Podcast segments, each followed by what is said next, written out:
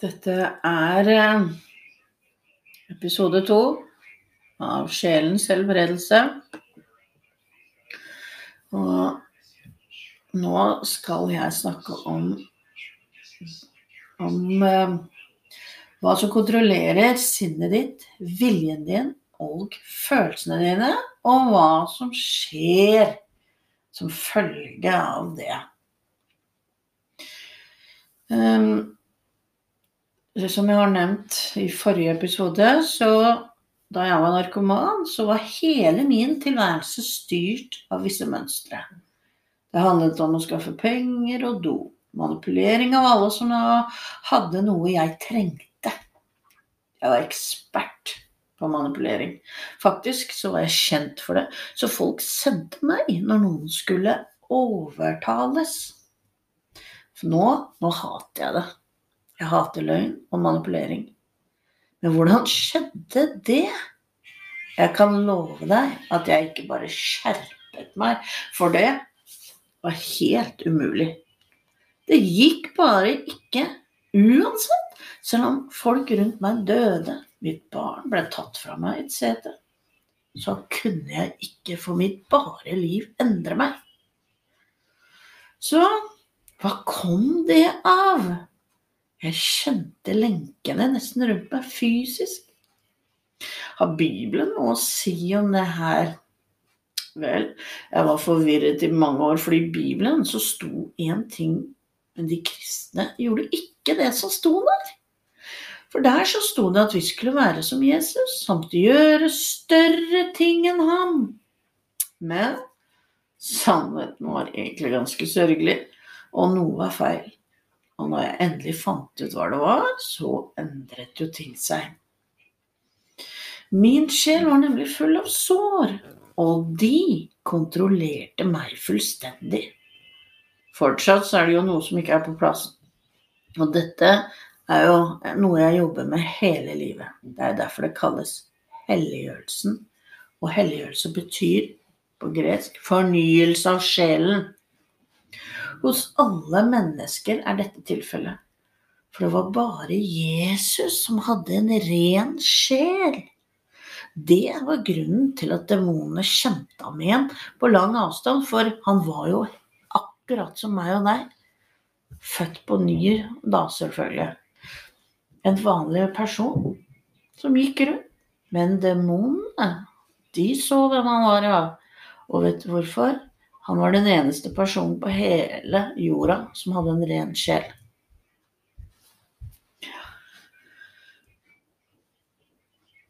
Så så begynner vi Nå skal jeg snakke om sinnet.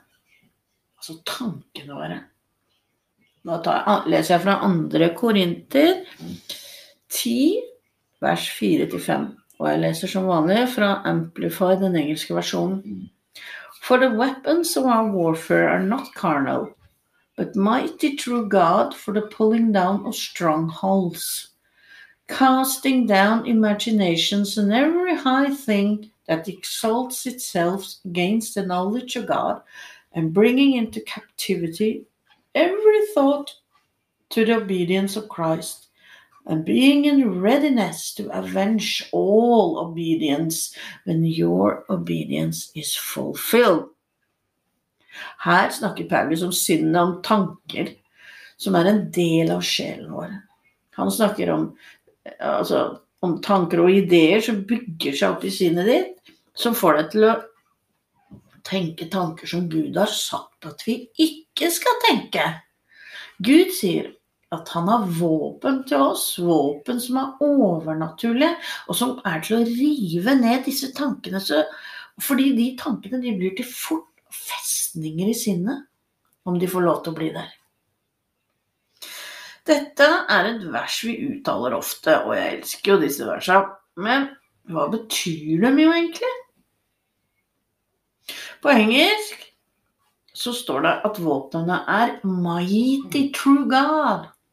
Og man slår opp ordet 'mighty' i Strongs, da, som jeg er big fan av, så betyr det 'strong in soul'. Tenk på det. Altså sterk i sjelen. disse overnaturlige våpnene som vi har fått av Gud, gjør oss sterke i sjelen ved at de kaster ned festningeverkene. Fantastisk. Amen, amen. Disse våpnene helbreder vår sjel fra sår som gjør oss svake og til slaver. Vi tenker feil, vi gjør feil pga. sår i sjelen. F.eks. folk du er sint på, så, går, så har du disse tankene Pokker ta han eller henne. Skal jammen fortelle dem ditt og datt og etc. etc. Og sånn går det rundt og rundt. Og sinnet ditt går rundt med sånne tanker som andre. Og dette er fordi du har sår. Fordi slike tanker skal ikke få rotfeste. Kast dem ned. De er gift, og de er en felle fra fienden. Så hva skjer da med vilja di? Eller viljen vår, da, som skal ta gudgitte beslutninger? Men vi vet alle at når vi har sår i sjelen, så er ikke det mulig. For hvem har ikke tatt dårlige beslutninger? Det ser du hos kristne ledere hele tiden. Starter en tjeneste eller en menighet som var fra sjelen og ikke fra Gud. Det hele ender ille, med mange sårede mennesker. Så hvor mange slike historier har vi ikke hørt? Og hvor mange mennesker vet vi om som har blitt såret i en menighetssammenheng? Massevis! Fordi man har sår i sjelen som igjen gir andre sår i sjelen. Så for da jeg var narkoman, så var altså min vilje kontrollert. Men såkalte vanlige folk, da, de skader både seg selv og andre, ofte med sladder og baksnakkelse. Dette er veldig, veldig farlig og gir store sår i ånden, hvis man kunne se folk som sladrer, som driver med sladder, og folk som hører på sladder, så er de dekket av slim, fordi det er demoner som spytter slim over dem. Det er det de gjør i den åndelige delen. Og dette ødelegger menneskers liv ved å gi dem så store sår. For når din vilje er kontrollert på denne måten, så kan det få store økonomiske følger også. Man kjøper feil hus, for Den hellige ånd sa ikke at du skulle kjøpe det, men det kom fra sjelen din. Man starter bedrift som Den hellige ånd ikke sa du skulle starte akkurat nå. Og sånn går det om og om igjen. Man har vært gift kanskje to, tre, fire og fem ganger. Man tar dårlige beslutninger. Så hvorfor gir ikke Gud oss den millionen vi ber om? Fordi vi er såra i sjelen, og, vi, og, vi, og vi vil ikke greie å ta vare på det. At vi ville ødelegge oss kanskje mer og, og være i verre stand enn hva vi er nå. Men mens andre, noen øser jo ut pengene og bruker det bort på tull og ender opp med en masse gjeld isteden. Men så har du noen andre, da, som får fattigdomsånd. De gir ikke bort noe, og de bare Og ikke til de som trenger det, spiller ingen rolle, men de skal spare. Det er slik man tenker i verden, men ikke Guds rike. For det er ikke våre penger, de er hans, de er Herrens. De skal deles med de som ikke har noe. Derfor så skal vi jobbe, sier Paulus. Så vi har noe å gi til de som ikke har noe. For i Guds rike så er det faktisk sånn at man vil få mer dess mer man gir. Men har man en fattigdomsånd, så vil man tviholde på alt man har. Og man blir ikke velsignet, for deres hjerte, som da er sjelen, den vil ikke gi bort.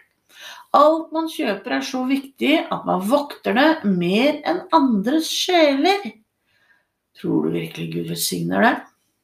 Tror du Gud vil at du skal være så knyttet til ting at du ikke kan låne bort det når andre trenger det, eller gi det bort, rett og slett? Å nei. Men det er virkelig om det virkelig var Guds rikes økonomi, så kan Gud si 'gi bilen din til han'. Og man gjør det fordi man vet at Gud vil gi deg noe større, og kanskje en flattere bil. Sånn funker det i Guds rike. I verden derimot så kjøper folk så fine hus og billig at man bruker masse tid og krefter på å passe på dem, så ikke andre ødelegger det, at ikke andre roter på den, et eller annet. Sår i sjelen, det hindrer vekst.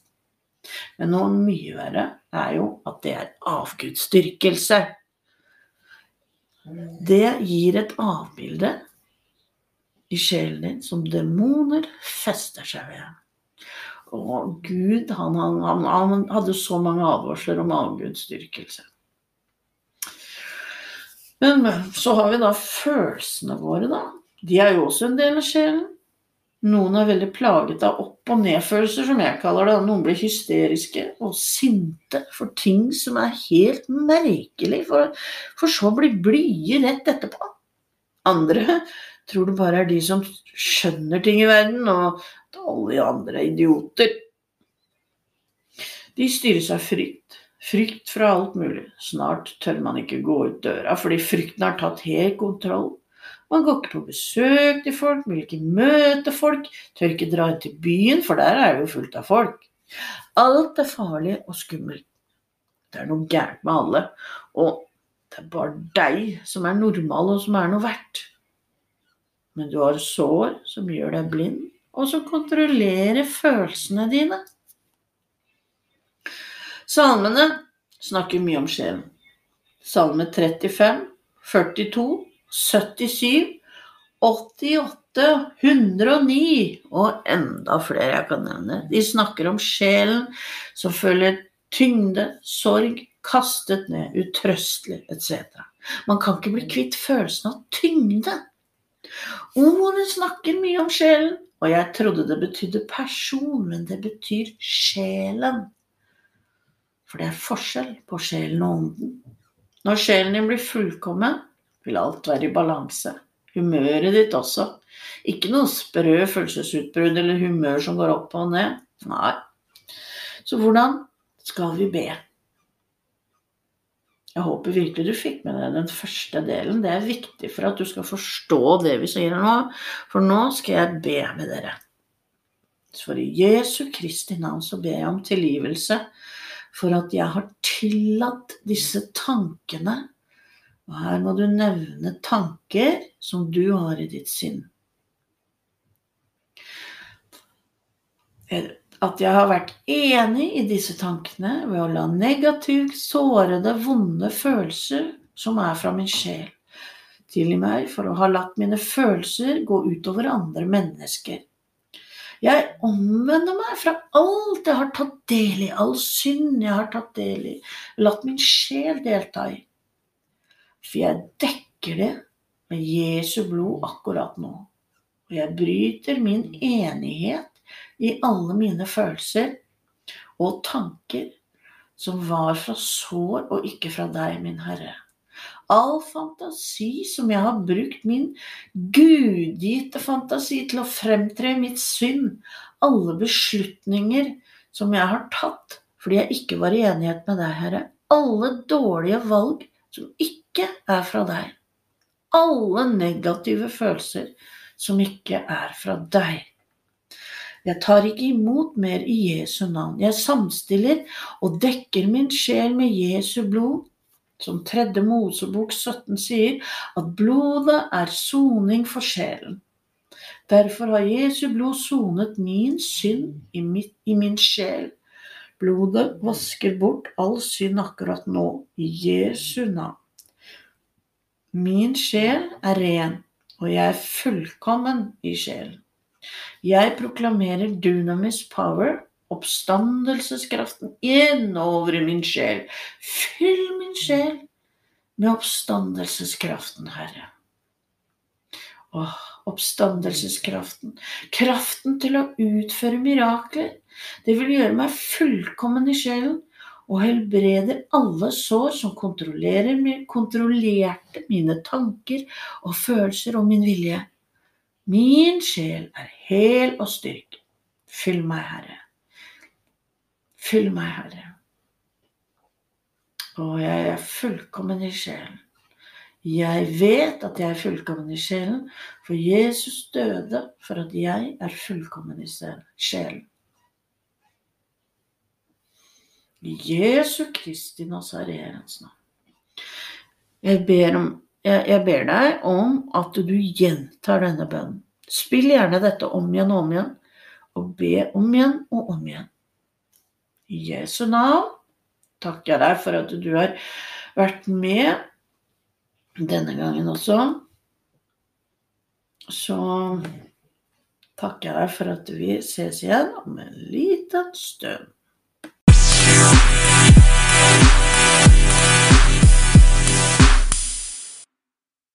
Velkommen tilbake.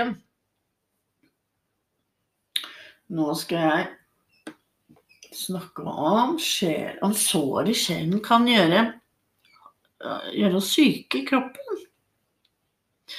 3. Johannes 1, 2, vers 2 er mitt favorittvers, muligens. Jeg leser Beloved, I pray that in every way you may succeed and prosper and be in good health physically, just as I know your soul prospers spiritually. Hørte du det? Altså, jeg ber at du i alle måter må være suksessfull og bli vokse og bli god helse fysisk. Akkurat som jeg vet at din sjel vokser åndelig. Ikke sant? Det betyr jo at når vi blir helbredet og vår sjel blir mer og mer hel, dess friskere blir kroppen vår. Fordi vår sjel og vår kropp er jo direkte koblet sammen. Har du sår i sjelen, så er sjansen stor for at kroppen har plager. Ofte kroniske plager er i hvert fall fra, fra sjelen. Det er garantert. Selv om jeg tror jo at alle sykdommer kommer ifra sjelen. Så leger som ikke er troende engang, kan fortelle oss at 80% av alvorlig sykdom og død ofte rammer folk som har vært utsatt for alvorlige traumer. Husker du jeg nevnte traumer som en av de tingene som gjør skader sjelen vår?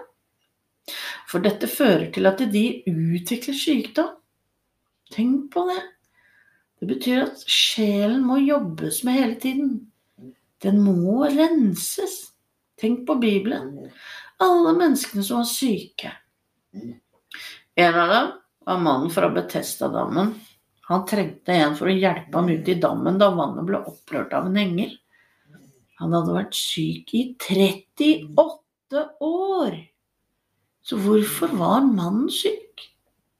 Når jeg går til Strongs og ser hva ordet 'infirmity', sykdommen, betyr her, så betyr det sykdom i kroppen og sjelen. Han hadde sår i sjelen. Såret hans kom fra synd.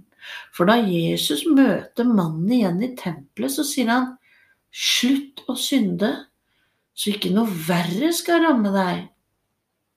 Så på grunn av synd, som laget sår i hans sjel, så var mannen syk i 38 år. Wow! Så sår i sjelen kan gjøre kroppen vår syk. Men den kan også la demoner plage oss både i sjelen og kroppen, og Bibelen snakker mye om dette. Lukas 13, 10-13. Now Jesus was teaching in one of the synagogues on the Sabbath. And there was a woman who for 18 years had had an illness caused by a spirit a demon. She was bent double and could not straighten up at all. When Jesus saw her, he called her over and said to her, Woman, you are released from your illness. Then he laid his hands on her, and immediately she stood erect again and began glorifying and praising God. Demonen hadde bøyd hennes rygg, så hun ikke kunne reise seg rett på 18 år. For hvordan kunne den det? Hva ga den rett til å kunne plage denne dama i så mange år. She had an illness, står det. En sykdom. Og vet du hva det ordet som er brukt for sykdom akkurat i dette verset, betyr her? I sjelen. Hun hadde sår i sjelen. Her sier ikke Jesus noe om at hun hadde syndet, men han kaller henne en Abrahams datter. Hun var rettferdig. Så kan det da ha vært et traume som gjorde at hun ble såret i sjelen, og demonen kunne angripe henne. Altså, som jeg sa, synd og traume. Både mannen ved dammen og damen i synagogen hadde vært syke lenge. 38 og 18 år. De var begge infirmed, eller syke i sjelen. Så nå skal du be. Jeg er ikke syk. Yes, altså vi begynner på nytt. I Jesu navn. Jeg er ikke syk eller såret i sjelen eller kroppen. Jeg taler blodet over min sjel, så det dekker min sjel. Blodet vasker vekk all synd som har såret min sjel og latt demoner få tillatelse til å skade meg. Jeg bekjenner og taler ut og tror at dunamis fra oppstandelsen kommer og fyller min sjel og lar meg bli fullkommen i sjelen i Jesu navn. For blodet fra korset og dunamis, kraften fra oppstandelsen, som da har gitt oss kraften til å utføre mirakler og gjør oss fullkommen i sjelen. Det har Jesus gjort og gitt oss. Så bare gå inn i det allerede. Det er ferdig. Amen. Det finnes utallige vitnesbyrd om helbredelse på et øyeblikk når man følger dette, og særlig fra sykdommer og plager som man har hatt i lang tid. Man har prøvd alt. Leger og operasjoner som ingenting hjelper. Jesus han bare la det ferdig for oss. Men en annen ting som er viktig man må lære seg å soake. Noen er livredd for soaking og tenker at å nei, det er noe new age i det. Men jeg lover deg at det er det absolutt ikke. Slutt å være redd for new age-ting. Det er bare en dårlig etterlignelse. Det er de som har stjålet ting fra oss, faktisk. Men soaking betyr jo at man bader sin sjel i Guds kraft og glory. Man bruker musikk, og da ligger man i dette i Guds nærhet. Man kjenner at Guds nærhet fyller deg. For soaking, ordet soake, betyr å fjerne flekker. Å legge noe i bløt for å fjerne flekker, betyr det. Så om du har fått en stygg flekk på klærne dine, så ville du jo ikke bare tatt litt såpe på og så latt resten være.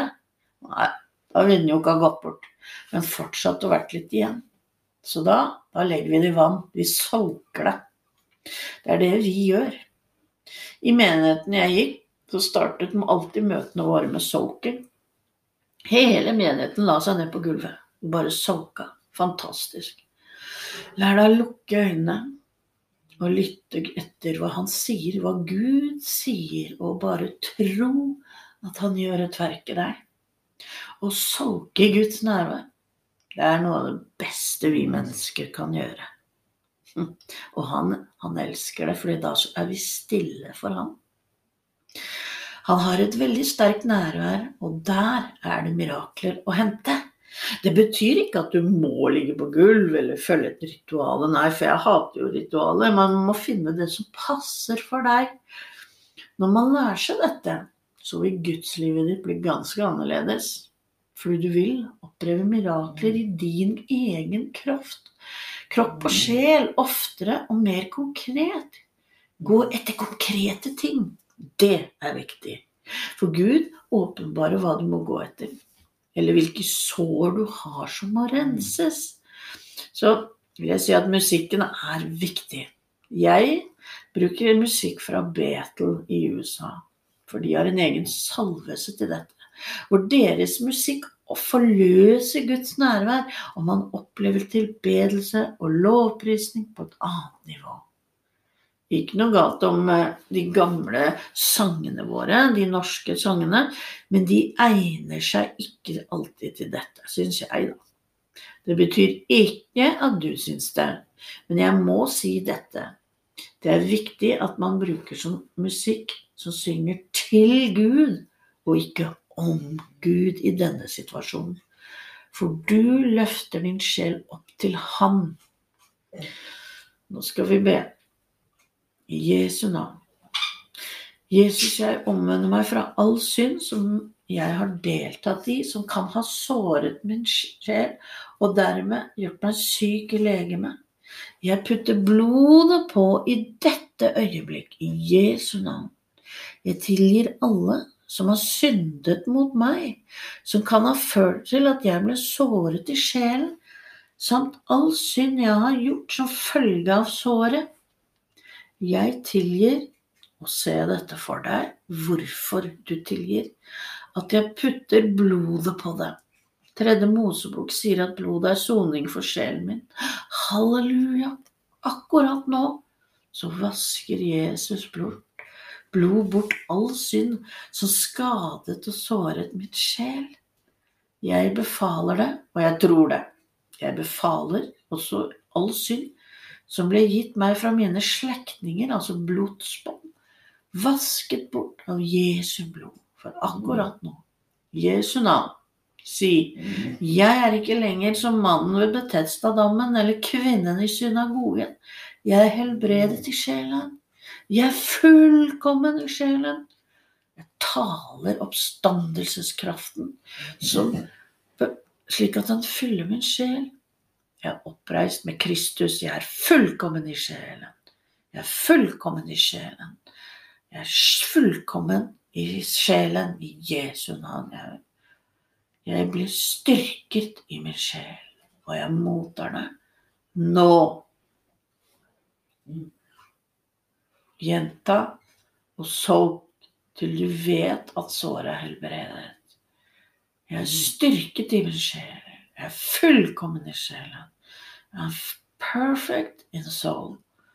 Jeg er fullkommen i min sjel. Din kraft følger min sjel i Jesu navn. I Jesu navn. Jeg takker for denne gangen. Og jeg håper at du vil høre neste episode også, som kommer snart. Den vil også handle om sjelen, selvfølgelig. Det er bare fortsettelse neste gang. Og da handler det om å finne krigen mot fienden og helbredelsen i sjelen. Selvfølgelig.